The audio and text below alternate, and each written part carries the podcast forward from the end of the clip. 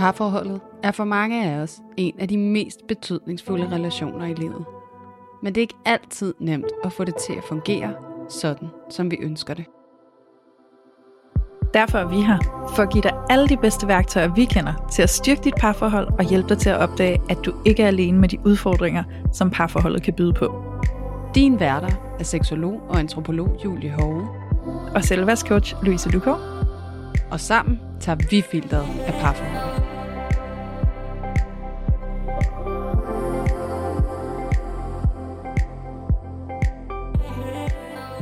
Hej alle sammen, og hjerteligt velkommen tilbage til Parforhold Uden Filter. Og øh, nærmere bestemt, så er vi faktisk tilbage i vores serie, som er Mændenes Parforhold Uden Filter.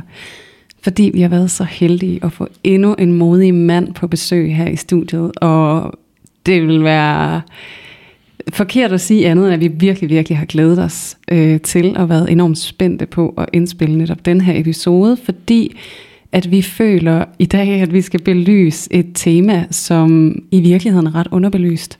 Og det er, hvordan det er at stå som mand i et parforhold, hvor man er i fertilitetsbehandling, som jo er en vildt for nogen opslidende og krævende proces med mange og store følelser i spil. Længsel, frustration, sorg, glæde, optimisme, øh, mismod.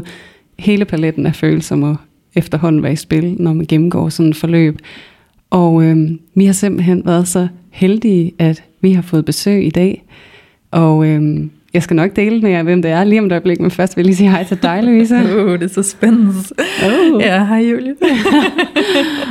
Hej, og så vil jeg sige hej til dig, Oliver Kielstrup.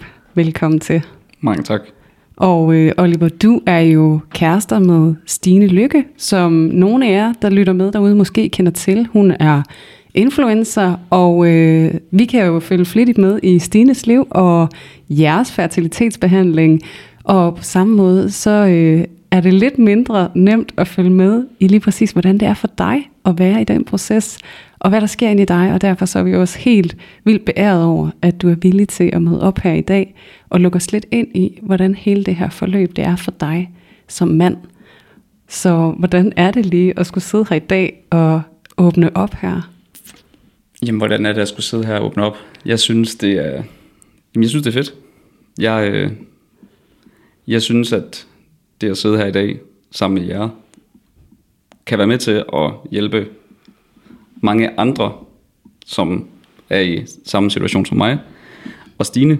Og tænker måske også, at der er nogle, nogle kvinder derude, som måske ikke lige helt ved, hvad der rører sig i deres mand. Mm. Fordi at det er jo sådan, at vi mænd jo ikke altid er helt vildt gode til at sætte ord på, hvordan vi går har det. Nej. Og specielt ikke, når det kommer til facilitetsbehandling. Nej. Så jeg håber, at jeg kan være med til at hjælpe og belyse nogle områder omkring facilitetsbehandling, og det at være mand i et parforhold, som folk måske ikke helt er klar over. Eller som man... Jeg tror, at mange måske går sådan lidt og holder igen, fordi det er jo altså det er et ømt punkt. Præcis. Men jeg har bare erfaret, at det at tale om det, mm. det hjælper Præcis. rigtig meget. Ja, og derfor er vi simpelthen så glade for, at du er her.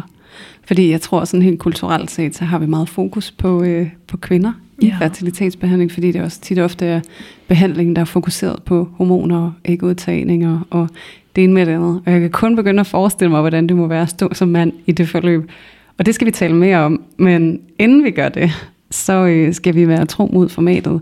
Og øh, det bliver du også inviteret med ind i dag, Oliver. Mm. Øh, vi skal nemlig til at give vores parforholdsstatus, hvor vi simpelthen lige gør status over den seneste uge i parforholdet. Hvordan har det set ud? Hvordan har vi haft det? Hvad har været op at vende? Øhm, og øh, vi kommer til at slutte af med dig, Oliver, for det kan jo egentlig være en god kickstarter til et blik ind i, hvordan det er for dig, og, og, ikke, også, og ikke mindst også for Stine at stå der, hvor I gør lige nu.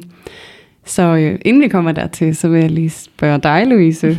hvordan er din parforholdsstatus, hvis du kigger hen over den seneste uge? Ja, jeg føler, der er sådan lidt ligesom, når vi laver intro. Det er jo ikke tror jeg, vi har sagt før. Ellers så kan det være, at I hører det for første gang. Det er, sådan, det er lidt det der med, hvem skal lige lave intro, ikke? Eller så sådan, og jeg føler lidt det samme, når vi kaster bolden op til parforholdsstatus. Hvem skal lige starte?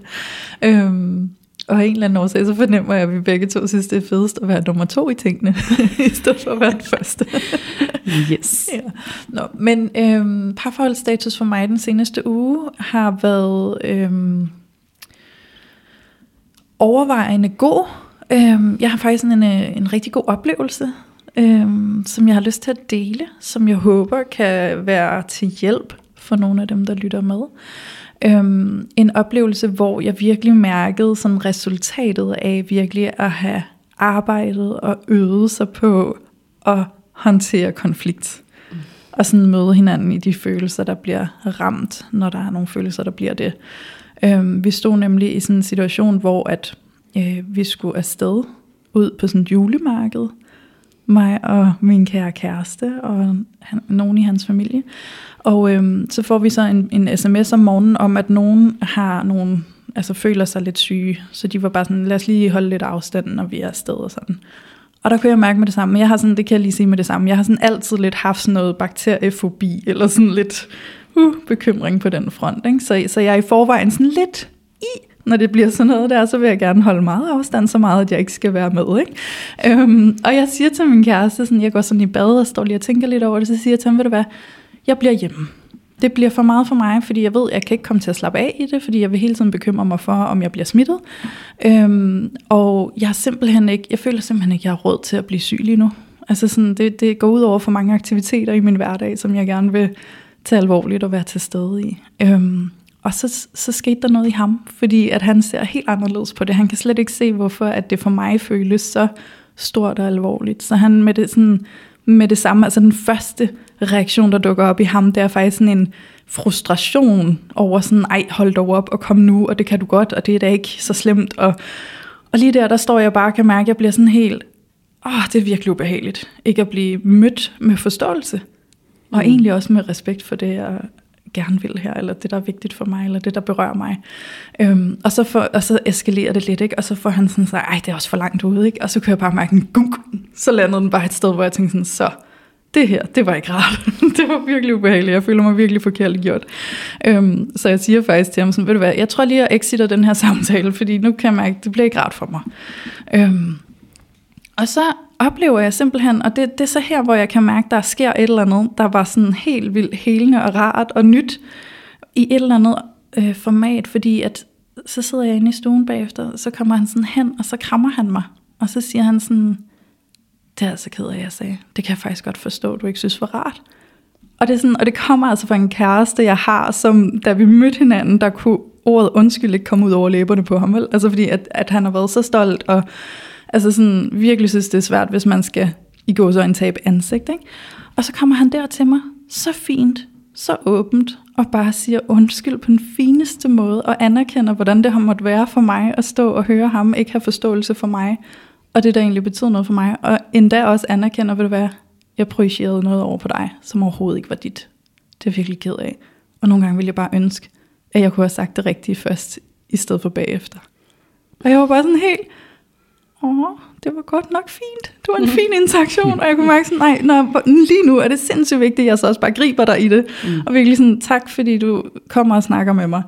Fordi det har ikke været normen for os tidligere i vores forhold. Altså det er virkelig noget, vi kan nu, fordi vi har lagt så meget arbejde i det. Så jeg blev bare så glad og så stolt og så varm om hjertet på en gang. Øhm, ja, så det er sådan en lille, jeg føler, det er sådan en lille solstråle historie af, sådan, hvad det egentlig kan give, når man virkelig øver sig, og når man sådan tillader at, at gøre det, der kan være utrolig svært. Fordi der er måske noget inde i, der heller vil være stedig, eller stolt, eller mm. eller noget andet, ikke? Ej, hvor er det fint, Louise. Ja. Ja. Det var rigtig dejligt. Får impuls til at sige tillykke med den status, men det... Ja. Jo, nej, men det var det virkelig jo- sådan en, en fed oplevelse. Jamen, også fordi det har jo ikke været gratis at komme Det har det hertil. netop Det har jo krævet et stort arbejde. Ja, Ja. det har det. Og det, det er på en eller anden måde, og det kan være, det lyder så banalt, den her situation, men for mig så er det jo et vidne om meget mere. Jeg vil bare lige sige invitation til lytteren lige nu, så bare lige track et par afsnit tilbage, ikke? hvor din kæreste Ja. han er med, og I lige præcis sidder sammen, og vi taler ind i det her, der kan ske, ikke? Jo. hvor den stolthed, den kommer på besøg. Så også lige med tanke på den episode, vi havde der for nogle uger siden, og så den fortælling, du fortæller nu, så er det virkelig fint. Ja, Ja. det er det. Så, øh, så det var en dejlig oplevelse, og så skal vi have din parforholdsstatus, Julie. Hvordan Ja. ser det ud på den seneste uge? Ja, øhm, den seneste uge, jeg føler lige, næsten lige, at jeg har siddet her. Ja, det har vi jo nærmest også i Ja. onsdag, så i dag er det mandag. Ja, det er rigtigt. Øhm, jamen, den har egentlig været sådan, jeg har ikke været så meget hjemme. Jeg har ikke Mhm. været så meget i mit parforhold. Det været sådan lidt på afstand. Øhm, der har været lidt konflikt, og det er vi sådan, vi har fundet hinanden igen, og det, det været sådan noget dumt noget, ikke? Altså, Mm-hmm. det var faktisk, da jeg kom hjem onsdag, efter vi havde været, Nå. efter jeg havde været i København over hos dig. Ja.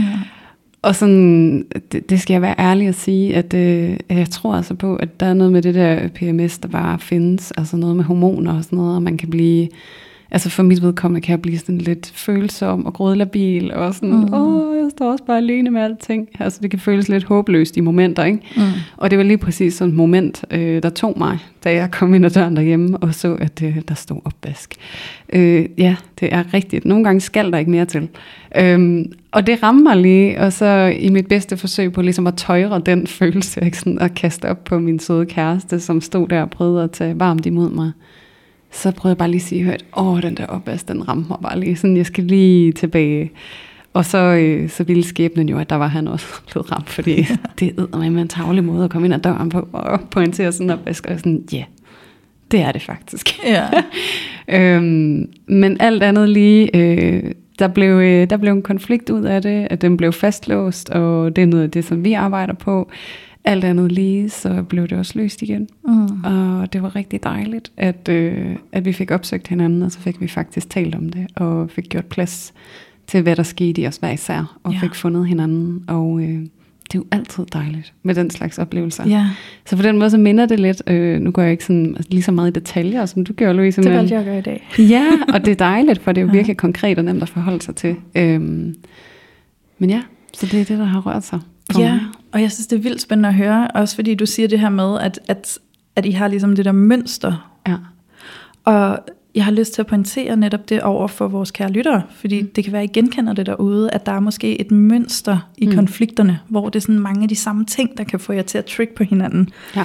Øhm, og det har bare lige lyst til at sådan nævne det, altså, eller bare give det lige lidt anerkendelse, det der med, sådan, at som par, så er det altså virkelig naturligt og normalt, at vi bare passer fod i hose med vores... Ja, Ja. tak Oliver. Word. Og Oliver anerkender. Ja. Vigtigt. Det er simpelthen, og det er sådan, det, det, det er sådan lidt en, en, en blessing and a curse, ikke? Altså, Ja. fordi det kan meget, fordi hvis vi kan arbejde med det, så kan det forløse de ting, der ligger inde i os, som jo egentlig er en eller anden form for historik, vi har med, som er helt årsagen til, at vi overhovedet trigger på meget specifikke temaer, ja. når vi går i konflikt, ikke? Mm. Så hvis vi kan arbejde med det, så kan vi forløse det, men det kan nogle gange bare føles, som om man rammer hovedet mod muren gang på gang på gang, som om man er sådan en eller anden halvhjernet, øh, der ikke kan forstå at, at gå udenom, ikke? Eller sådan. Det, det, det, ja. det kan føles så sindssygt håbløst at Ja. ja. dræne, ikke? så lander man der igen.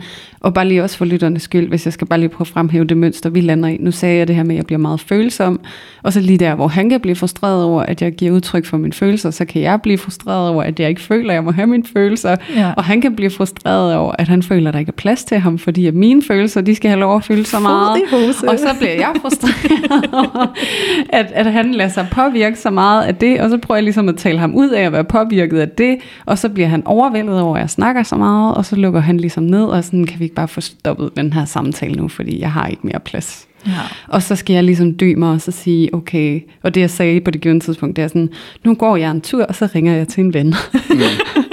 øh, fordi jeg kan godt se, at jeg vil overvælde dig, og ja. det er ikke hjælpsomt for dig, og det er heller ikke ret for mig. Mm. Så lad os lige sige, jeg, jeg går lige en tur og ringer til en ven, og lige får noget omsorg, og så, øh, og så må du til gengæld lige love mig, at du vender tilbage, når du føler dig klar til det. Ja. Og så, så er jeg faldet til ro, og det er du forhåbentlig også. Ja. Og det var så det, der skete, ikke? Jo. Øhm, og igen, vi skal ikke undgå konflikter, øhm, men vi skal lære at navigere i dem. Ja, det er og det, gribe dem. Præcis. Ja. Og lade være med at stå som en eller anden, et sted i et æsel, og så insistere ja. på, at der skal ske det, jeg vil have, skal ske. Men prøve at være mere fleksible og så sige, jamen jeg kan ikke få det, som jeg vil have det lige nu. Hvad kan jeg gøre for at passe på mig selv, og faktisk også passe på min partner mm. og vores relation, fordi jeg hjælper ikke ham eller mig ved at stå og tvinge ham Ja, ind i en samtale, mm. som han faktisk lige nu ikke har kapacitet til. præcis. Det er ukærligt over for ham, mm. og også for mig selv at blive stående der og være insisterende. Ikke? Og så tillader os det der helikopterperspektiv, hvor vi lige pludselig kan se, åh, oh, okay, jeg kan se mønstrene. Mm-hmm. Så kan jeg måske også på en eller anden måde tage lidt ud af dem, ikke? Det er det. Ja. Oh, shit is going down. Ja. Jeg går. ja. Nå, men det var parforholdsstatus fra dig og mig, Julie. Ja. Nu er det jo vildt spændende at kigge over på dig, Oliver, og lige høre dig. Hvad er parforholdsstatus der? Yes. Jamen, hvad er parforholdsstatus? Mm. Bare den seneste uge. Ja. Altså, Ja. den seneste uge, det har været sådan lidt blandet, synes jeg. Der har både været masser af kærlighed, og masser af sjove og fede oplevelser sammen. Og så samtidig har det også været en uge, hvor der jo også har været lidt konflikt, og det, jeg tror, det er svært helt at undgå. Mm. Der vil nok altid være et eller andet, nu snakker I om det med, at nu nævnte du det med det der perspektiv og de her mønstre, og jeg, altså det der med at finde den perfekte opskrift, den, er, den bog gad jeg godt at læse, jeg gad godt finde, fordi der vil jo altid være noget, og nu nævnte du et, et eksempel omkring det med øh, den her opvask, og det kan jo være sådan nogle små ting, som at her, her den anden dag, der jeg, jeg var kommet hjem, og havde været ude og handle, og 20 sekunder efter, at jeg kommer gående ind ad døren, og øh, får ikke lige lukket døren, fordi at jeg jo havde, jeg havde masser af poser, og går ind, stiller dem, og jeg har vidderligt været inde i 20 sekunder. Så kommer Stine ind ad døren med hunden, og så siger hun bare sådan til mig stille og roligt, øhm, du har glemt at lukke døren. Og så var jeg sådan, jamen, altså, jeg kunne ikke lukke døren, for jeg havde simpelthen hænderne fyldte. Og så var hun sådan, ah, altså, kunne du ikke have lukket døren? Og hun siger det på den sødeste måde. Men jeg var sådan, det kunne jeg ikke. Jeg kunne ikke lukke den dør. Og så opstår der en total ligegyldig konflikt, hvor man bliver sådan lidt ah, på hinanden. Og bare sådan, altså, du, så ligegyldigt, om den dør den var åben eller lukket. Og, så, og samtidig så er det også fuldstændig ligegyldigt, at hun kommenterer på det. Fordi selvfølgelig skal hun have lov til at kommentere på det. Uden at jeg skal føle mig, du ved, truffet. Mm-hmm. Men vi er jo kun mennesker, og nogle gange der er det bare sådan nogle ting, som gør, at man lige kan blive kort, korte uvenner. Mm. Og ja, det var egentlig det, der sådan skete, der vi fik det også hurtigt løst, og jeg var også sådan, hey, det var sgu, det må du sgu undskylde. Jeg også, altså jeg, jeg er meget sådan, at jeg kan godt nogle gange sige nogle, eller sådan føle mig truffet over noget, eller sige nogle ting, og så når jeg sådan lige får så reflekteret over det, så kan jeg godt være sådan bagefter, ja okay Oliver. Og så siger jeg også altid undskyld, og det er vi så til gengæld gode til, gode til sådan at sige undskyld over for hinanden, eller hey, det var sgu ikke lige, det var sgu ikke lige cool det der. Men nogle gange så, og det er nemlig det med igen de her mønstre, Ja. at fordi det er, altså, Stine hun siger jo ikke de her ting til mig for at være træls. Hun var sådan, hvorfor skal døren være åben? Og jeg har bare sådan, det første jeg tænker, det er, det der, det siger du kun. Altså fordi, hvorfor har du behov for at skulle kommentere på det? Mm. Det er Men det. Så hvorfor en, skulle hun ikke kunne kommentere? Altså, må- det må hun jo gerne. Hun må Ja, gerne ja. kommentere på det. men, Men- det interessante er jo også, sådan, hvad er det, du hører, hun siger? Ja. Ja, altså sådan, hvad er det, du fortæller dig selv, når mm. hun kommenterer på, at du ikke har lukket døren? Ja. Er det, at jeg har ikke gjort det godt nok, eller jeg er forkert, eller Mm. nu er hun efter mig igen? Det føles Ja. som kritik. Ja, Ja. ja. så det er jo det der sted, du lander med dig selv. Det er det Som nemlig. og så er det jo så forståeligt, du bliver truffet, for Ja. ja. det gør jo ondt at lande der. Ja, Men det er noget svært, fordi når hun så ikke, når hun ved med sig selv, det var ikke kritik eller noget, så har hun jo svært ved at forstå mig. ja det er klart. Sådan sådan, jamen, altså, hvorfor reagerer du sådan? Ja. Fordi jeg mente ikke noget med det. Og det kan gå begge veje. Det sådan, kan føles som sådan en overreaktion. Ikke? Ja, Men jeg, jeg 100%. kan ikke lade være, jeg har lyst til sådan lige at byde ind, inden vi kommer for langt væk fra det, fordi jeg føler også, at der kan være et signal her, vi kan øh, se og forstå. Det her med sådan, fordi du beskriver, at du kommer hjem, du har alle hænderne fyldt med poser, og det, den følelse kender jeg godt, og jeg kan næsten forestille mig, at de også er tunge, og man er sådan nærmest måske helt øh, de der blå ringe på fingrene, hvor poserne ja, har hængt. De der ikke? Rema-poser der, de er, altså, de er ikke gode. de skær bare. Ja, men altså så hele det her sådan sym- symbolet på, at du kommer der, du bærer på så meget, og måske også det der med, sådan, hvis der så i forvejen er en eller anden form for pres, der hænger over en, mm. og det kan jeg jo godt forestille mig, der er, når man i så lang tid har været i sådan en, en proces, som der er Stine står i. Ikke? Ja. Og det der med, sådan, jeg prøver at gøre mit fucking bedste, ikke? Ja. Altså sådan, og her kommer jeg og slæber alle de her poser ind ad døren, og det har du ikke set, så du har ikke set min effort. Og nu står du så og kritiserer mig for, at jeg ikke har gjort det godt nok, fordi jeg ikke også lige lukkede døren, ikke? Altså sådan, give me a break, jeg Ja. gør virkelig meget her, jeg slæber virkelig, og sådan, altså, jeg er presset, ikke? Giv mig lige lidt øh, credit her, ikke? Altså sådan det der symbol, der også kan være i sådan nogle små bagateller, mm. fordi det der med, at vi nogle gange siger sådan, nej, det er bare sådan ligegyldigt, jamen hvad er det, der ligger nedenunder, som overhovedet ja. gjorde, at det blev til noget for os, ikke? Fordi måske er det bare det, der lige har brug for opmærksomhed, sådan, hey, jeg gør virkelig alt, hvad jeg kan, og jeg føler virkelig, at jeg bærer på noget tungt i flere forstande, ikke? Altså sådan, mm. så derfor så er det bare sådan lidt irriterende at blive bedt om at lukke døren, fordi jeg gør altså alt, hvad jeg kan i forvejen. Og også, vi taler, vi taler 20 sekunder. Ja, jeg, havde ligesom, jeg vidste, at okay, nu skal jeg lige ind med de her poser, og der er lige nogle ting, der skal i køleskabet, og så lukker jeg døren. Ja. Og så kan jeg bare høre de der små hundepoter. Ja. Og så kan jeg høre Stine, du kan lukke døren. Jeg var på vej. Ja, præcis. Og så går det i gang, ikke? Ja. ja.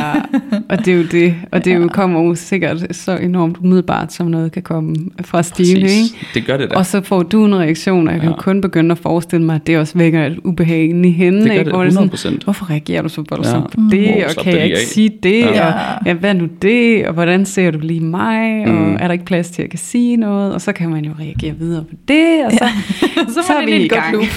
Det er så nemlig et godt loop. det, så kører Ja. den. Ja. Så du genkender det i hvert fald også. Det gør jeg. Ja. Det, altså, og det er jo et eller andet sted rart også at sidde med to, som er sådan, hey, nu sætter vi lige hurtigt ord på vores sådan, status på forholdet, og nå, ja, okay, Ja, kryds der, kryds der. Altså, det er jo bare, præcis. det er sådan, der er at være et forhold, tror jeg. Det er det, Altså, og det er jo det, og- vi gerne vil vise. Ikke? Altså, Præcis. så det er jo netop derfor, de her parforholdsstatus, at de faktisk er så værdifulde. Ja. Ja. Altså, det har vi i hvert fald fornemmelsen af. Det kan I, kære lyttere, kan jo skrive til os, Ja, og lad os vide, om de er så værdifulde for jer. præcis. Øhm, men nu hvor vi er ved statuser, Mhm. så synes jeg faktisk, at det kunne være spændende at åbne den her samtale med dig, Oliver. Vil lige at høre dig, hvad er status på jeres fertilitetsbehandling lige nu? Hvor er I i forløbet? Hvor længe har I været i gang osv.? Jamen, øhm, status lige nu, den er, at vi, vi går og venter.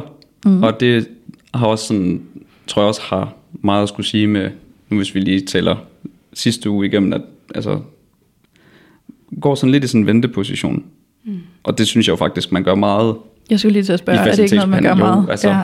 Den der, nå, hvad så? Ja. Hvornår? Og måske også for lytterne, hvor længe har I været i fertilitetsbehandling?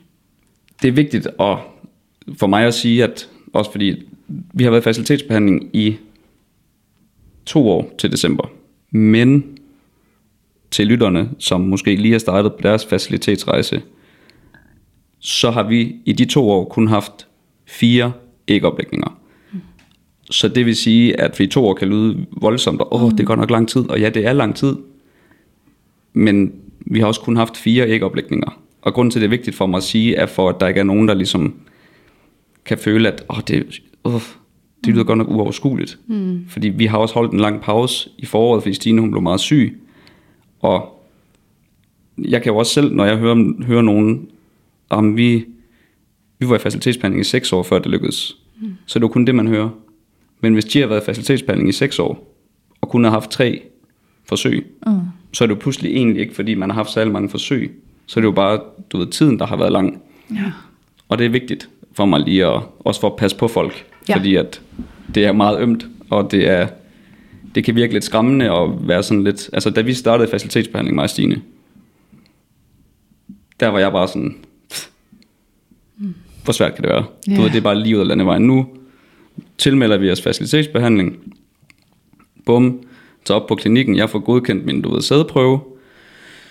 Og så f- får vi opstartet hormonbehandling, får pillet æg ud, de bliver befrugtet, bum, gravid ni måneder efter, at vi forældre.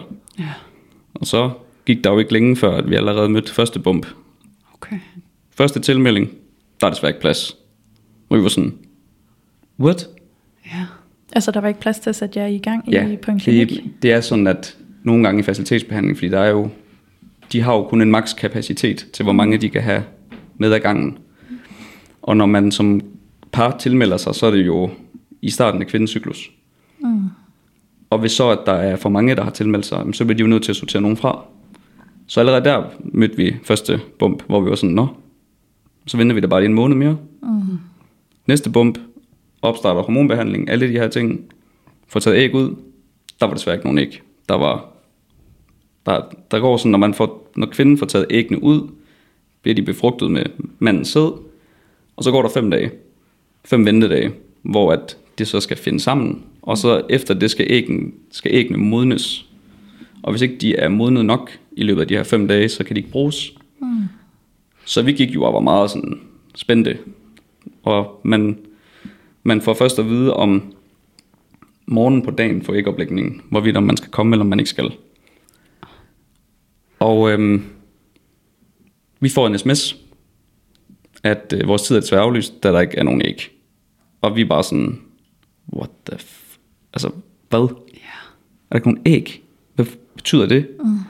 Også fordi vi blev ikke ringet op eller noget. Det skal så siges, det gjorde vi senere, og det var egentlig for at passe på os, fordi man er meget, man er meget sin følelser lige der. Ja. Så der gik der to timer, så ringede de så, mm. og sådan briefede os, og men det er egentlig, det er hvad der kan ske, og det er ikke un, unaturligt. Mm.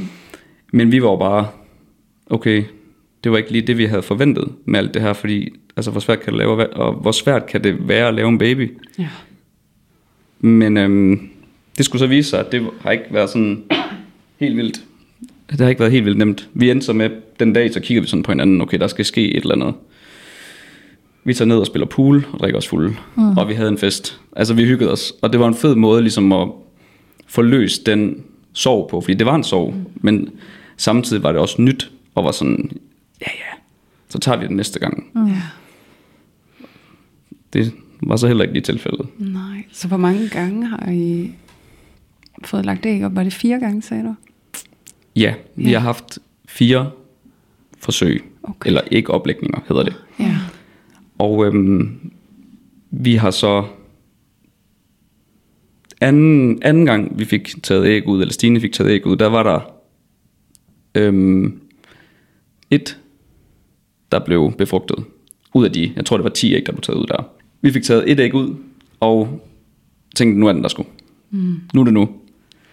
Og som kvinde har man jo svært ved, når man får sat det her æg op igen. Altså det er 12 dage, du skal vente.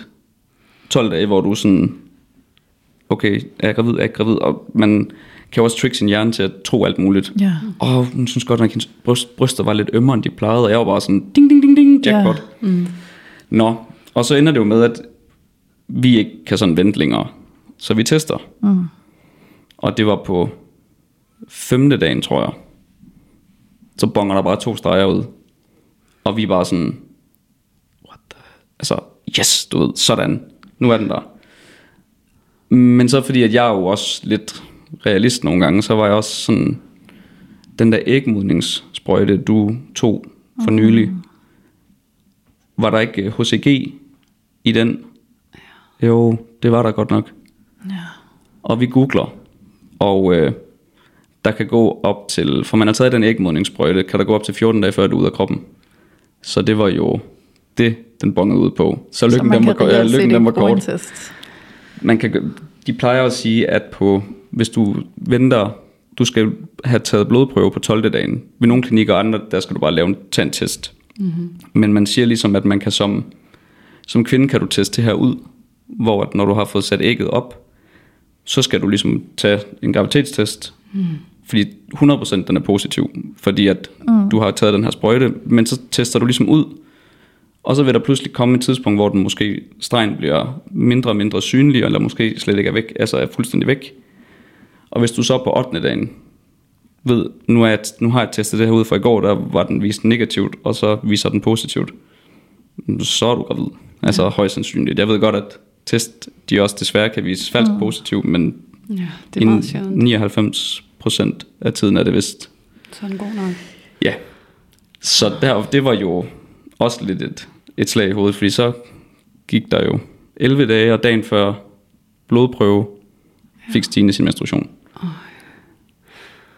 Så var vi jo um, op på hesten igen, men man bliver bare ligesom mødt af, skuffelse på skuffelse. Men det er jo også et kæmpe sådan jo-jo med følelserne. Rutsjebane. Fordi Det du hele tiden, altså det er lidt, jeg tror vi alle sammen, uanset fertilitetsbehandling eller ej, kender den der følelse af at vente på svar på noget, der er vigtigt for os. Mhm. Og vi er nærmest sådan helt ængstlige i den periode, hvor vi går og venter, ikke? Eller sådan, vi kan også bare tage det, hvis du står øh, har været til eksamen, når du bare lige står ude på den anden side af døren og venter på at finde ud af, om du har bestået eller ej, ikke? Altså sådan den der ventetid, hvor det er så vigtigt for en at finde ud af, hvad resultatet egentlig bliver, og så være i den igen og igen mm. og igen, og sådan på flere måder, ikke? Altså så bliver der øhm, altså et æg, der i går venter på, kan vide, om der kommer et æg, der rent faktisk er Mm. befrugtet, ikke? Nå okay, det gjorde der.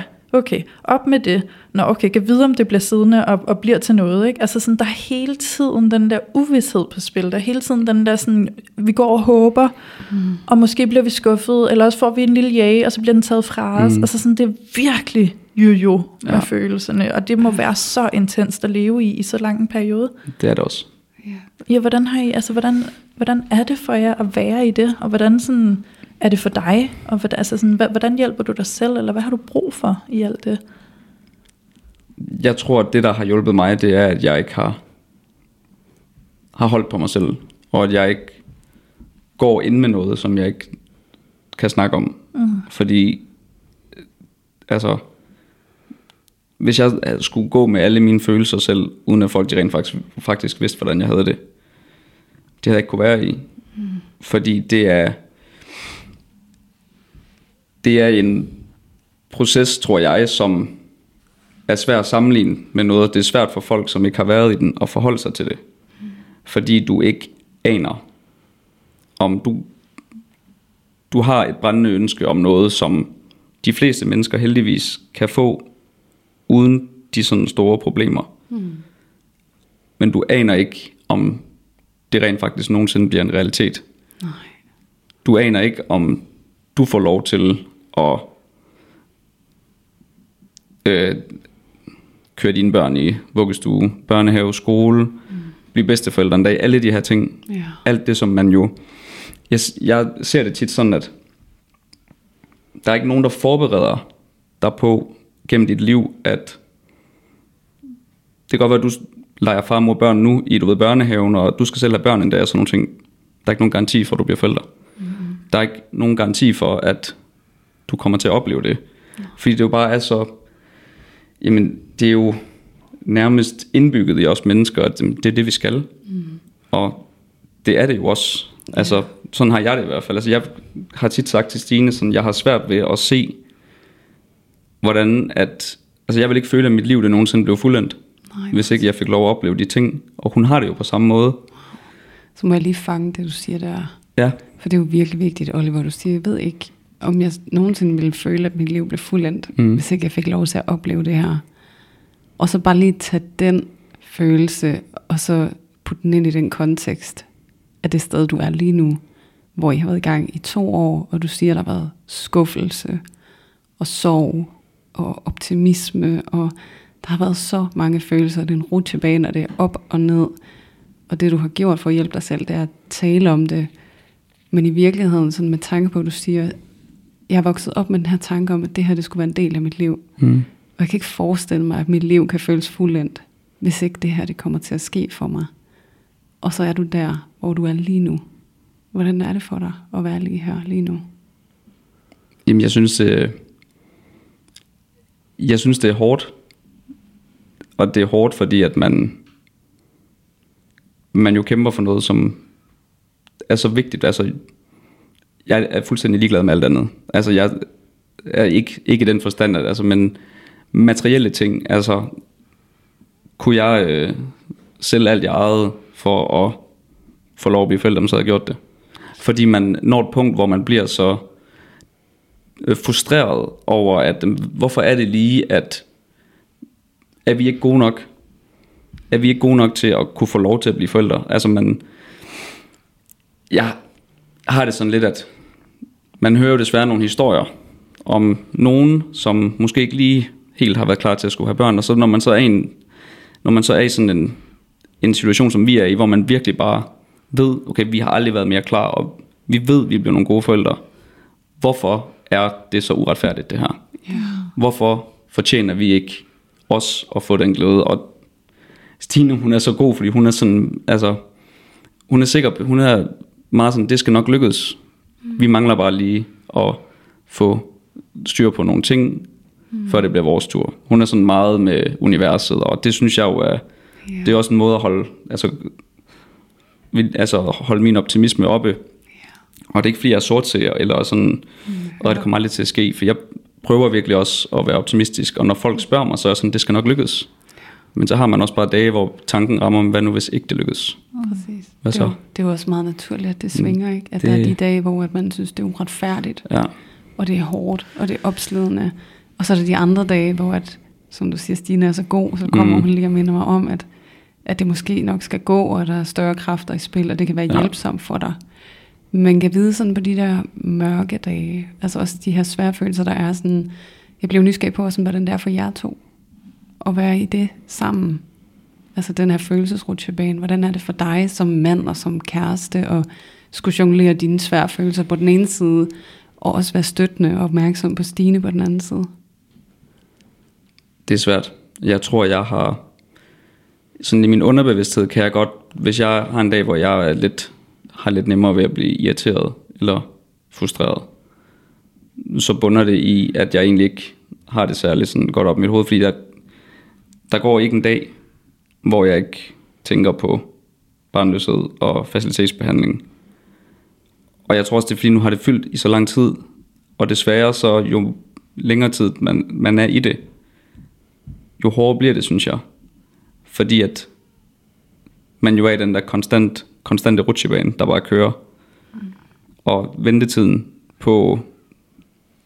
Nu havde vi i oktober måned, vi er, Stine hun havde en længere, et længere sygdomsforløb i foråret. Og så i den forbindelse blev vi faktisk henvist til Odense Universitetshospitals øh, facilitetsklinik. Fordi de er vant til ligesom også at behandle øhm, kvinder, som i lignende situation, som den vi står i. Og så var vi til opstartssamtale i september, og, ja, men, og det så fint ud det hele, så vi kunne godt komme i gang. Og startede så i oktober, og blev så desværre mødt af, fordi Stine hun, hun har gået, har gået til akupunktur, og har virkelig følt, at hendes krop har aldrig haft det bedre, nu oven på hendes sygdomsforløb, hvor at hun fik, lægerne fik ligesom styr på det, hun har aldrig haft det bedre, så vi tænkte, nu er det nu. Kom op, og venner, det, der er kun tre æg, vi kan tage ud. Og så var jeg sådan, nå, okay, det, det løb, det er kørt. Altså, de ringer og siger, det, der er ikke nogen æg efter de fem dage. Men så alligevel begyndte jeg at blive mere og mere optimistisk, for jeg jo gik ind og googlede, og kunne jo så læse mig frem til, at der var andre, der havde stået i lignende situationer, ah, men og alle tre kom på frys, og de var forældre i dag, og, og så på dagen for ægoplægningen ringer de til mig, fordi Stine, hun var i, hun var til akupunktur for at lave sådan noget mod, at, sådan at livmoren den bedre kan tage fat, fordi vi var jo sikre på, at vi skal det her. Mm. Hej Oliver, øhm, der er desværre ikke nogen æg. Og jeg var bare sådan, nå, ja ja, here we go again. Mm. Og Stine var ikke hjemme. Og hun ringer så til mig, for hun var også spændt, og, og skulle give hende den med. Jeg havde håbet sådan på, at jeg kunne komme hjem og sige, er du klar til, at vi skal op og lave en baby? Mm. Men det blev det ikke. Og jeg kan huske, at det er første gang, hvor jeg virkelig har været sådan, der tror jeg, det var mig, der var allermest ked af det.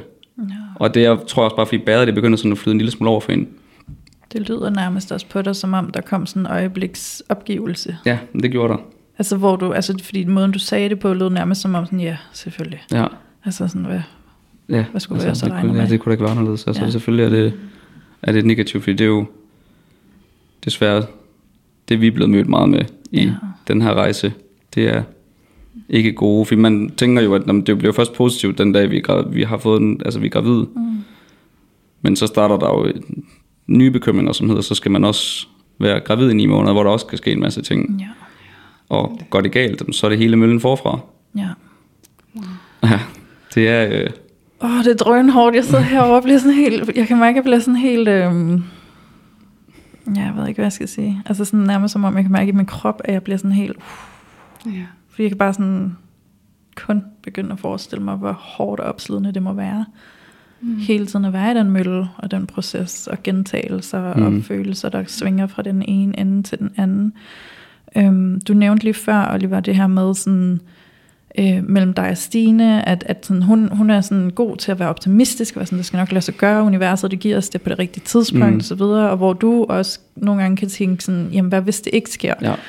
Er det noget, I snakker om? Snakker I om livet uden børn, hvis det ikke sker? Jeg tror, vi har vi har været lidt inde på emnet, men det har været i forbindelse med, at Stine, hun har været sådan til mig, at mm. hvis ikke det her det lykkes, så skal du ikke være sammen med mig. Fordi jeg skal ikke være skyldig i, at du ikke kan få det, du drømmer allermest om. Og det er sådan at skulle, skulle have sådan en snak med sin kæreste, Ja. om at, Nå, okay, så hvis at det ikke lykkedes, så synes du, at vi skal gå hver til sit, fordi at det i vores tilfælde ikke er mig, der er problemet. Og det er bare, det er jo ikke meningen, man skal sådan en snak med hinanden. Det er jo, Hvordan var det lige at have den samtale? Jamen, jeg, jeg gad slet ikke at tale den til enden, fordi så føler jeg også, at man ligesom manifesterer noget negativt, frem for at manifestere noget positivt, og sådan, men selvfølgelig lykkes det, altså selvfølgelig, og som jeg også har sagt til hende, altså, jeg skal ikke bare have børn for at have børn, altså jeg skal jo også have børn, fordi jeg har, altså det er jo dig, jeg vil have børn med, Mm. Ja. og jeg har sådan ikke helt vil gå ind i den tanke, fordi det er ikke det, er ikke det der, det ender. Og det helt fra, fra hjertet af, når vi sidder nu og snakker, så er, tror jeg heller ikke, det er der, det ender. Jeg er sikker på, at det nok skal lykkes for os. Ja.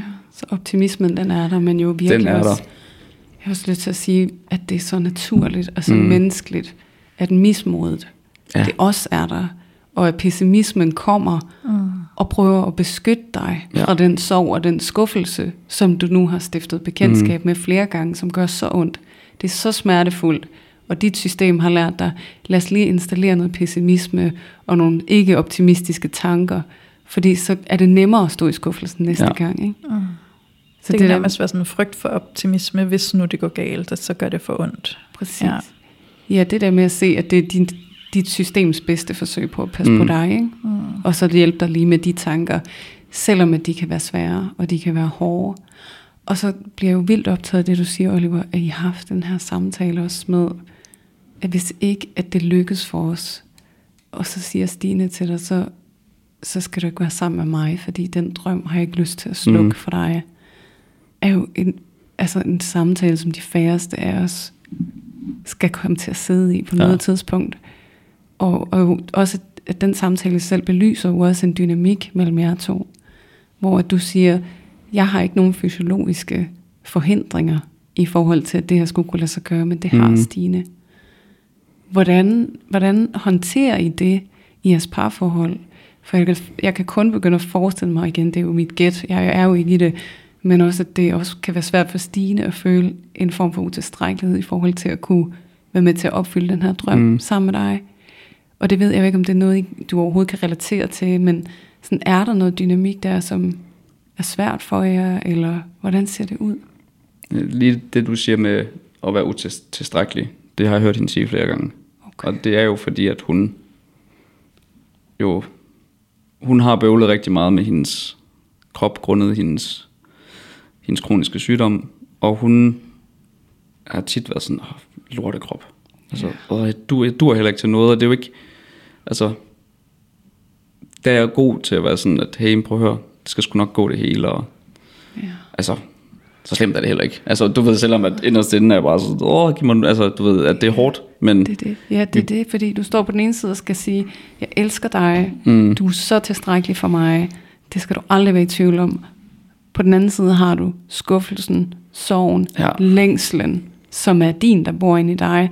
Hvor skal den have rum henne, uden at jeg trigger din utilstrækkelighed? Ja, og det er jo nemlig lige netop det, fordi hver eneste gang, at jeg ligesom i tale sætter, hvor hårdt jeg synes det er, så tror jeg, at hun godt kan føle, at, altså, jeg tror det gør ekstra ondt på hende, fordi hun jo godt ved, at, åh, men det er jo egentlig også, altså det er jo på grund af, vi, at vi har de her udfordringer med min krop.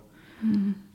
Men det er også bare vigtigt for både mig og hende, at vi husker på, at heldigvis så har vi rent faktisk et sted, hvor vi kan, vi kan ligesom hænge, hænge hatten og sige, hey, det er derfor, at vi to vi kæmper på grund af det her. Ja. Vi har det på papir, hvor der er andre par, som ikke aner, hvorfor mm. er det så svært for os at få børn. Hvorfor har vi prøvet nu naturligt i to år, uden det lykkedes. Mm. Ingen af os fejler noget. Og man går igennem facilitetsbehandling og også oplever nederlag på nederlag. Det må også være sindssygt hårdt, at man ikke ved, hvad er det, der foregår. Mm. Hvor vi har ligesom et sted, hvor vi kan hænge vores hatten og være sådan, yeah. det er derfor. Det, det kan give virkelig god mening, det der med, at vi kan se, at der er en god grund til, ja. at det er svært for os, og det kan være beroligende i sig selv. Det kan det nemlig. Fordi så skal vi ikke gå og spekulere og gruble og overtænke, ja. hvorfor lykkes det ikke for os? Hvorfor er verden så uretfærdig? Mm. Hvorfor er vi ikke gode nok til at blive forældre? Åh, der er jo forresten en god grund til, at det ja. er svært for os. Og så er der den anden del, som er sådan den mere emotionelle del, i forhold til, at du siger, Stine kan sige, lige der på hendes mørke dag, forestiller mig, at hun kan være ramt af en følelse af utilstrækkelighed. Og, og på samme tid, så står du også ind i dig, jeg vil bare så gerne være far. Mm. Og jeg er så ulykkelig over, at jeg ikke er det endnu, og at det er så svært. Jeg kunne forestille mig, at har du haft en erfaring med, at når du ligesom giver udtryk for, hvor svært det også er for dig, at det kan trigge den der utilstrækkelighed over hos Stine, eller hvordan er det? Ja, det har, det har det også, selvom at jeg ikke har sådan i talesæt, altså i, i talesæt over for hende, oh, det er fandme også på grund af dig, så det kunne jeg aldrig nogensinde drømme om, for jeg blamer hende ikke for noget som helst. Præcis. Og der er jo forskel på at bebrejde nogen, mm. og så er der, og det der med bare egentlig at have ja. nogle meget forståelige følelser, ja. og noget frustration. Og det er jo det. Men hun, Stine ved jo godt, at når jeg er ked af det, eller er frustreret over det, så ved hun jo, grund til, at Oliver er i den her situation, er på grund af, at der er nogle ting med mig, og det er også, mm. det må være sindssygt hårdt for hende, og det gør sådan helt ondt på mig at tænke over det, fordi mm.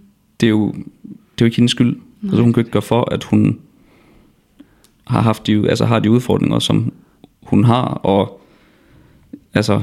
Nej, det er det, fordi det er jo ikke, det er så tydeligt at høre og mærke, og sådan, der er ingen, ingen del af dig bebrejder, Stine. Overhovedet ikke. At det er sådan situationen er. Så det er jo det der med, vi kan jo også godt, uden at bebrejde, give udtryk for, at det også er svært inde i os. Ja. At situationen er, som den er. Mm. Ikke at du er, som du er. Præcis. Men jeg er i den her situation sammen med dig. Ja. Og det er hårdt for mig, og du kan helt sikkert mærke, at det er hårdt. Mm. Og så det der med også at lade hende vide, det er aldrig fordi, du er utilstrækkelig. Ja. At det er hårdt inde i mig. Det er fordi situationen, den er så overvældende for mig. Ja. Så er der sådan, føler du, der kan være et rum til sådan også at udtrykke den forståelige frustration, du går med? Eller kan du blive for bange for egentlig at trick den følelse over i Stine? Nej, ikke mere, tror jeg. Fordi at vi, altså, vi har virkelig været i det i lang tid, og vores kommunikation omkring det, og det der med at sætte følelser på, og vi er bare blevet rigtig gode til det. Og det gør også, at jeg godt kan formulere mig på en måde, som måske ikke kan du ved, helt gå ind og så trick hende fordi at det er jo, jeg kan huske vores første forsøg, der hun reagerede ret kraftigt på hormonbehandlingen, og var meget sådan, øh, hun var ikke sur, hun var meget følelsesladet, og var meget sådan, at øh, om du ser mig heller ikke, og du er aldrig hjemme, og du ved, alt det var ligesom, hvordan hun havde det. Og så er der en dag, hvor jeg siger til hende, du har ikke på noget tidspunkt igennem hele det her forsøg spurgt, hvordan jeg har det. Og så stopper hun sådan op, og så kigger hun på mig, og så bliver hun ked af det. Fordi at der går det op for hende, shit mand, jeg glemmer Oliver i det her. Og det tror jeg er, altså, det er helt naturligt. Fordi det er kvinden, der mærker det her. Altså, I princippet så er det eneste, jeg skal, det er, at jeg skal aflevere en sædeprøve. Det er det. Ja, som den fysiologiske del. Men alt, fysio- det andet, alt det andet, der oplever du det jo lige så meget. Det gør jeg nemlig. Sted, ikke? Det gør jeg. Og det gik også op for hende der, fordi det er jo klart, når man lige har opstartet facilitetsplanen, det hele det er nyt, og der var hun bare sådan, Gud, det er jeg virkelig ked af, skat. Det må du virkelig undskylde. Undskyld, at jeg ikke husker dig det her. Og det tror jeg, at rigtig mange derude kan genkende til. Og at, altså det er også tror jeg som mand, er det måske også det, okay, min kæreste, hun struggler så meget lige nu. Hun har det så skidt med hormonbehandling. Jeg skal ikke til at belemre hende med mine problemer. Men det er teamwork. Man er du ved, sammen om det her, og man bliver nødt til at snakke om det. Mm.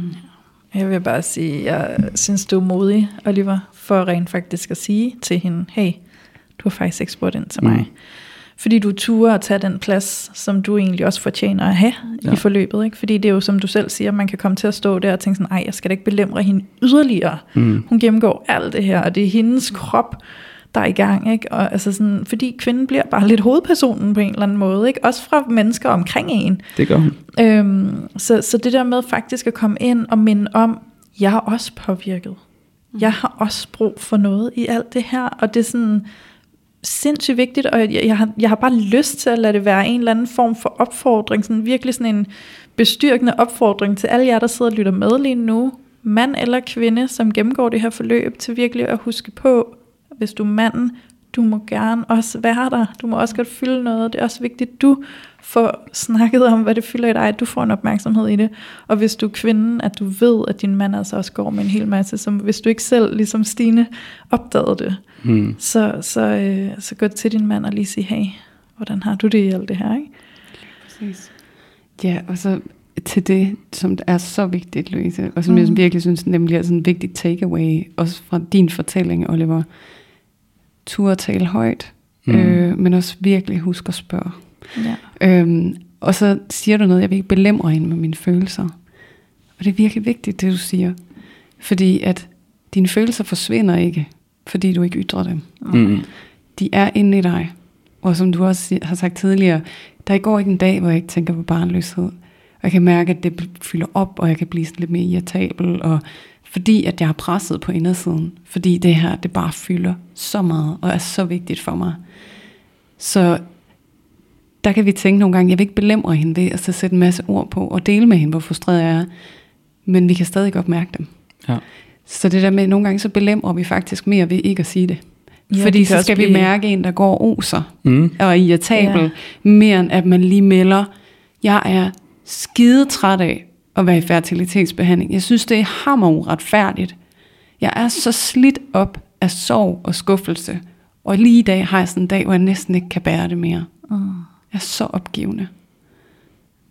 Fordi så ved hun, what's up. Mm. Så skal hun ikke sådan, åh oh, nej, er det fordi, jeg er utilstrækkelig? Men det kan Hvad jo også gøre, at man står tættere, fordi Ja. man er åbne om, altså sådan, vi er faktisk fælles i smerten. Det er ikke kun dig, og så jeg supporter. Ja. Altså, vi er faktisk fælles i smerten. Altså, der er jo, øh, ironisk nok, så forbinder vi utrolig meget igennem øh, smerte. Mm. øhm, og, og det, der er svært, ikke? Så det der med, sådan, for det første, hvis vi går ind med følelserne, det er jo også derfor, du tager dem ud, og det elsker jeg, du gør, Oliver. Det er mega fedt, og det er så dejligt at have dig med her, fordi det er jo også det, Det vi var gerne godt.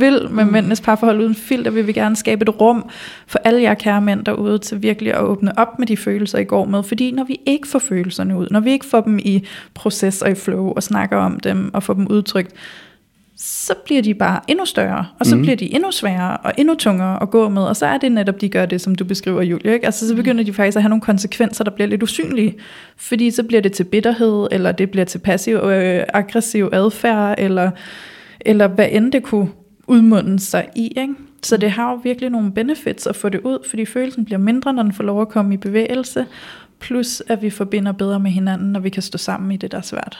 Man Og føle, vi er på meget- team, ikke? Altså. Man bliver meget tættere. Ja. Man, man bliver... Det er så hvis... Fordi, ja, altså mange, det er jo sådan, okay, facilitetsbehandling, der er jo ikke noget positiv facilitetsbehandling. Mm. Fordi man, man er der jo af en grund, og jeg kan huske med Stine, hun var meget...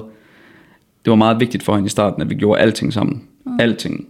Fordi det, hun havde sådan lidt en romantiseret idé om, at nu skal vi det her sammen. Vi skal filme, hver gang jeg stikker mig med nåle, og fordi det, jeg tror, man som kvinde godt kan føle, man bliver måske lidt frarøvet den der, du ved, med at man, åh, oh, okay, nu har jeg ikke fået min menstruation, hov, hvad søren, jeg er gravid. Mm. Fordi man ligesom, alt er jo timet og tilrettelagt. Mm. Så det var meget vigtigt for hende, at det hele, det var mm. så perfekt som muligt. Og jeg kan huske, jeg var meget sådan, men jeg, jeg blev nødt til at skuffe dig, fordi jeg skal ud og fotografere til bryllup, og jeg kan jo ikke, for facilitetsbehandling er også meget, man aner ikke lige helt rigtigt, hvornår de forskellige tidspunkter er. Mm. Så jeg har, der er nogle gange, hvor hun har skulle sidde selv. Mm. Og vi har, det har skabt konflikt, fordi at hun ikke følte, at jeg har været der for hende, og det var vigtigt for hende, at vi gjorde det her sammen. Mm. Og så kan jeg huske, at der var en læge på et tidspunkt, i forbindelse med ægudtagning, fordi det har på Stine gjort rigtig ondt. Det skal så lige siges, at det er forskelligt fra kvinde til kvinde. sådan hvor ondt det gør. Og så bliver Stine ked af det, og siger sådan, ah, men det var så ikke det her, hun havde forestillet sig. Og så kigger hende lægen på hende, og så siger hun, prøv at høre Stine, der er ikke noget romantisk ved det her. Der er ikke noget positivt ved det her. Det her, det er ren overlevelse, men når det her det er overstået, så kommer det smukke, for så bliver du gravid. Og det er jo så rigtigt. Og mm. siden der har det også været mere sådan, nå, ja, okay, klokken er 10, stik. Det altså, det. og det er jo, til sidst så er det bare sådan, just another day at the office-agtigt. Altså, det er jo lige før på, nu er vi så ikke længere i, i Horsens, det har vi været, men det var jo lige før til sidst, når folk kom op, du ved, øh, og ledte efter toilettet, jamen, du skal bare ned, lige ned om du ved, hjørnet, og der er mega Ja. god kaffe dernede, fordi man, mm. Man har været det der. så godt. Ja, Ja. præcis. Men altså, det er jo virkelig et, andet, et andet vigtigt aspekt af det her med at være fertilitetsbehandling, som du bringer op nu. Det er jo det der med, at det er jo sådan en lang køretur ned Mm. ad Boulevard of Broken Dreams, ikke? Ja. Altså, og man ved ikke, hvornår turen slutter. Og det skal man kunne holde ud og være i. Ja, man er på stand, standby hele Ja, tiden. du og aner ikke, hvornår det slutter. Så det der med at, at blive god til at være i det Ja. sammen, og holde hinanden i hånden, og kunne rumme alle de svære følelser, det sætter i gang af utilstrækkelighed Ja. og uretfærdighed og skuffelse og sorg, det blev overhovedet ikke sådan, som jeg havde drømt om, at det skulle være. Altså ikke drømt om, at der skulle være så meget smerte, mm. både fysisk og følelsesmæssigt forbundet med det her kapitel i mit Ja. liv. Kæft, hvor er det uretfærdigt.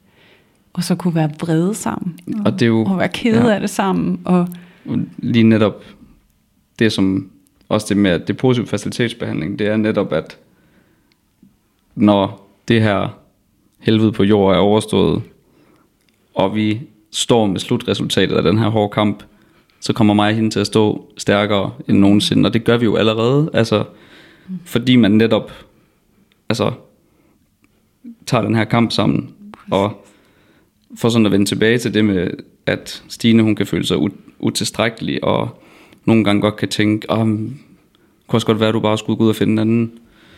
Så der er ikke nogen, jeg hellere vil kæmpe den her kamp med end hende, og jeg er helt sikker på, at når vi står med slutproduktet, hvis man kan sige det sådan, og har været forældre i noget tid, så tager vi kampen en gang til.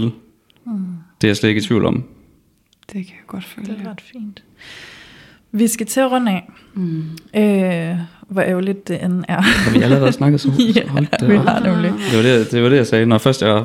Men ved du hvad, det her det er ikke usædvanligt. Det er bare Ah, okay. øh, så normalt, når vi sidder og har en optagelse, og at samtalen den bare, wow, hvor kunne den folde så meget mere ud. Ikke? Men, øhm, men jeg har lyst til alligevel at tillade øhm, et ekstra spørgsmål. Fordi du teasede lidt, Oliver, inden vi gik i gang med at optage, Mm. at vi godt måtte spørge ind til, hvorfor I ikke er gift endnu. Og der sagde du, der er en meget specifik årsag til, at du ikke har været nede på knæ. Så det kunne være, at vi bare kunne øh, tage det med, og lade det være vores afordning, at vi lige hører det. Ja, altså Stine, hun har jo nogle gange sådan joket lidt med det der med, hvorfor, altså, når nu vi ikke kan få børn, hvorfor, eller når nu vi ikke kan få børn endnu, hvorfor vi så ikke, altså hvorfor flytter vi ikke fokus? Ikke at hun sådan prøver at tvinge mig til at skulle fri til hende, men også mange af hendes søstre, og sådan, hvorfor, fanden, hvorfor frier du ikke snart til, til min søster? Og det er ikke fordi, at jeg ikke gerne vil giftes med Stine, for den dag skal nok komme, men jeg har det også bare sådan, at jeg vil rigtig gerne stå på vores bryllupsdag og holde min bryllupstal for hende, og så kigge på hende og sige, we fucking did it. Mm. Så det lykkedes for os. så det er derfor. Fordi at jeg synes lige, at vi har nogle ting, som vi skal, vi skal lige have ordnet først. Mm. Og så kan vi ligesom slutte hele det her kapitel af med en fest. Ja, Ja, I fortjener at fejre Ja, præcis. ja du gemmer fejringen til Jeg den rent faktisk. fejringen. Øh, ja. Så det er derfor, Ja. at jeg synes lige, der er nogle andre ting, som der skal prioriteres. Og vi ved begge to, at vi elsker hinanden og er glade for hinanden. Mm. Ja, så det Så- har stor værdi for dig også, at på en eller anden måde komme igennem Ja, den her rejse, præcis. jeg er på nu, og kunne sidde og se tilbage på den. Og måske ja. også kunne jeg forestille mig, det ved jeg ikke, om det er sådan, det føles, men ikke også at have det hængende over hovedet præcis. på den dag. Ja, altså have sat det på Det er jo- som... Nu er jeg ude og fotografere rigtig mange bryllupper, og ser jo bare tit, at men, brudeparne, de har børn, og mm. sådan nogle ting. Og jeg var til et bryllup på et tidspunkt, hvor at der var nogen, der havde været i lidt lignende situation. Og han, holdt næsten den tale, som jeg gerne vil holde for Stine. Oh, wow. Ja. Det må have været både hårdt og rørende at stå og Øhm, være der græd jeg fotograf faktisk. lige Der, der. der græd jeg. Ja. Det gjorde jeg, fordi Ja. at jeg bare var, jeg kunne bare relatere så meget til det hele. Ja. Så der vidste jeg også, at nå okay, det jeg har tiltænkt, det er, det er stadig det, der skal, fordi det Mm. lige få rundet det hele af. Ja. Meget forståeligt. Wow. Bare kunne være i dagen også, som du siger, Julie, ikke med Ja. fuld glæde, og ikke med noget, der hænger over hovedet på en. Præcis. Ja, det forstår jeg For godt. det må være lidt sådan, det føles. Det er også noget af det, i hvert fald, jeg tager med fra, sådan at høre din fortælling, Oliver, at det der med at være i det i to år, ikke? det er sådan den der ekstra passager, Mm. øh, den ubehagelige af dem, ikke? Den, Mm. mm. den man gerne vil have, som hele tiden er i rummet. Ja. Ja. Altså den der sprøjte, den der lægesamtale, den der ikke-oplægning, den der, alt det, som følger med, ikke? at det hele tiden hænger og rumsterer Ja. øh, i baggrunden, og et virkelig et ønske om at kunne nyde den dag, uden at den gæst skal med. Præcis. Kunne være rart. Jeg vil måske føle, der manglede noget. Og, altså, og det er også fordi, at jeg ved, at det nok skal lykkes for os. Mm. Jeg er 100% sikker. Og det er Stine også. Godt. Så vi gemmer festen til, Til vi vi kan har, åbne et nyt kapitel i vores liv sammen. gemmer festen, til vi har tredje gæsten. Præcis. Nå. Ja, lige præcis. Ja. Ja. Nå. Ej, det giver mening. Ja, wow. Og så, og så alligevel, selvom jeg godt ved, at vi skal runde af, så har jeg lyst til at sige, fordi du også siger allerede, Øh, fordi vi er ved at være færdige med den her episode, jeg kunne virkelig godt tænke mig at høre, Oliver, nu du er her, sådan, og du sidder her som repræsentant for alle de mænd, øh, som er i fertilitetsbehandling lige nu. Er der noget, det vil være værdifuldt for dig at dele her på falderæbet, eller sige højt til alle de mænd, der sidder og lytter med, eller alle de kvinder, som er i fertilitetsbehandling og har en mand derhjemme, som er med i den proces. Du er ikke alene. Mm. Du er ikke alene. Vi er, vi er mange, Ja. som står i samme situation, som I gør. Mm. Og husk at tale om, tale om det. Del jeres følelser. Om det er med venner, familie, psykolog, kollegaer, whatever. Det hjælper ikke noget at gå med det. Mm. Fordi det kan man blive skør af. Word. Og der er ikke noget, hvad kan man sige, der er ikke, øh, der er ikke noget forkert i at dele sine følelser. Der er ikke noget svagt i det. Altså tværtimod er det jo egentlig ret sejt, mm. at man er i stand til at kunne kommunikere ud omkring det. Ja. Fordi hvis ikke det var det, så tænker jeg, at der havde været mange flere mænd derude, som i tale sætte det. Mm. Og jeg tror simpelthen, at i nogle tilfælde er det, fordi man, om jeg vil heller ikke virke, du ved, svag, eller jeg har, og der er også nogen, der har svært ved at tale om det, det kan jeg også godt forstå. Men prøv. Ja. Prøv, og så se, om ikke du får det bedre. I hvert fald for en stund. Præcis. Det bakker vi 100% op om. Ja, Ja. 100 procent. Også det der med, at man som mand også indser, at man er jo en del af den kommende familie. Mm. Altså, Præcis. du er vigtig. Ja. Og netop det der med, at måske er det mere til besvær, at du faktisk ikke åbner op. Mm. Fordi så skal man bare gå og mærke det i stedet for. ja. Og man mærker det meget. Det gør man. Så, så det der med, at, sådan, at det er også det er værdifuldt for alle, at du åbner op. Mm. Både for dig, men også sådan for stemningen i din partner. Altså Ja. ja. det er mere trygt at vide, hvor ens partner er, end at de lukker ned og gør vold på sig selv, Ja. ja. fordi de tror, at de gør relationen en tjeneste. Og du er altså ikke først en del af det, når der er kommet et barn til stede. Du er allerede en del af det Ja. i processen op til. Ikke? Så det er jo også det, som jeg tror er vigtigt for mænd at høre. Mm. Altså sådan den der plads, de også har i det. Og Ja. ja. det er naturligt, de er påvirket, og det skal de have lov Mm. at, og, og sådan have en plads i. For jeg tror nogle gange, at, at mænd godt kan føle, at det er jo først, når barnet kommer, jeg har en rolle. Ikke? Og så nogle gange også, sådan, det er først, når barnet bliver ældre, jeg har en rolle. Ikke? Altså sådan virkelig det der, du er også allerede en kæmpe del af det, allerede inden barnet kommer til verden. Så tag den plads, den er vigtig. Mm. Og så husk at, fællesskabet og dig selv. ja.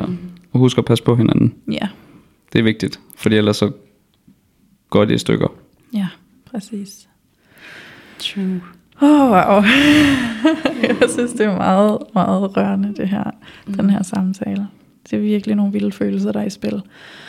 Øhm, I er seje, Tak. og I er fandme stærke og seje for at, at holde ud og holde igennem alt det her. Øhm, og så stadig sidde med så meget tro på det, som I gør. Det synes jeg er flot. Jeg synes, det er helt vildt inspirerende, og det håber jeg, det også har været. For, dem, så, altså for alle dem, der har siddet og lyttet med, som kan relatere, og, og sådan, ja, måske selv sidder i det samme, mm. så håber jeg, det har været sådan en lille god opbakningsfølelse, der er kommet ud mm. af det. Ja. Ja. Tak, Oliver. Selv tak. Mm. Tak fordi jeg måtte komme. Ja, det er vi meget glade for, at du ville. ja. Det er jeg også. Ja, Helt vildt glad. Så også tak herfra til jer to. ja tak til dig, Julia. Tak til dig. Tak til jer. Ja, Ja, tak. Alt det tak. ja. Er I okay? Ja, vi er okay. ja, vi er, vi er helt okay, men Ja. ja. det er, det jeg, skal, jeg vil lyve, hvis jeg sagde, at det ikke er meget rørende. Ja, det er det. Øhm, Det er jo liv og død, vi taler om. Det er det. Altså, det er jo simpelthen, det, det er helt eksistentielt, Ja, det er det faktisk. det her tema, så det, det rører ved noget. Mm. Mm. Øh, helt bestemt. Så det sidder jeg da også og fyldt op af. Så Ja. ja. det er jeg taknemmelig for, at, øh, at jeg er. Så Ja. tak også, Oliver. Øhm, Det sætter lidt perspektiv på livet. Jamen, det gør det også. Jeg er jo selv mor, ikke? Ja. Ja. Så, så den der sådan, og sådan, åh, jeg kunne lige mærke, at jeg blev meget taknemmelig for min søn, mens Mhm. vi sad og talte sådan. Også fordi jeg selv blev gravid ved et, et tilfælde. Mm. Altså, øhm, og det, at jeg valgte, at han skulle komme alligevel. Og, sådan, og nu er han otte år, og at, at bare sådan en del af hverdagen, og så går det bare op for en, hvor sådan precious et element mm. egentlig er Ja. i ens liv. Øh, Der er jo nogen, der siger, at du fortryder ikke, du fortryder, øhm, hvad- og hvordan er det nu, at du fortryder ikke de børn, du, For. du får, du fortryder de børn, du ikke fik. ja. Ja. Det er da i hvert fald et sæt at sige. Det er der til, og det kan man jo tage, som man Ja. har lyst Ja. til, men der er jo et eller andet om det, ikke? Ja, det er det. Ja, Jamen, jeg, altså, det har gjort mange gode ting for mig at få min søn. Ja. Det kan jeg hurtigt skrive under på. Det er i hvert fald en kæmpe udvikling at få et barn og øh, stå der med Oh, yes. sit største spejl lige foran sig. Ja, sådan, så hvis der er noget, du ikke kan finde ud af, så ved du det nu. ja. Deal with it. ja. Øhm, ja, så det er skønt og smukt at få børn, synes jeg. Og øh, skønt og smukt og rørende at få lov til at blive sat ind i nogens rejse med at komme derhen, Mm, hvor de får et. ja. Tak Ja. for modet. Mm. Mm. Velbekomme. Og så Med er de ord, ikke mere, nej, end nu, vi skal sige, jeg skal runde af og sige tak. Ja. Og farvel, og vi ses igen i næste uge. Ja. og så du få lov at sige det, du skal sige. Tak og farvel og på gensyn. Og inden jeg siger helt farvel til jer derude, så vil jeg virkelig gerne opfordre jer til lige at trykke følg, der hvor I lytter til os, fordi det hjælper os altså rigtig meget med at komme øh, og blive ind og blive synlige på alle de her podcast-platforme. Så du må meget gerne trykke følg, øhm, der hvor du lytter til os, og øh, du må også meget gerne give os nogle stjerner eller skrive en lille anmeldelse, hvis du skulle have lyst og tid til det, og så bare vid med dig selv, at det gør en kæmpe forskel. Så øh, vi takker erbødigt øh, for indsatsen, og når det er sagt, så vil jeg bare sige tusind tak for dig, kære lytter, fordi du endnu en gang har været med til at tage filteret af mændenes parforhold.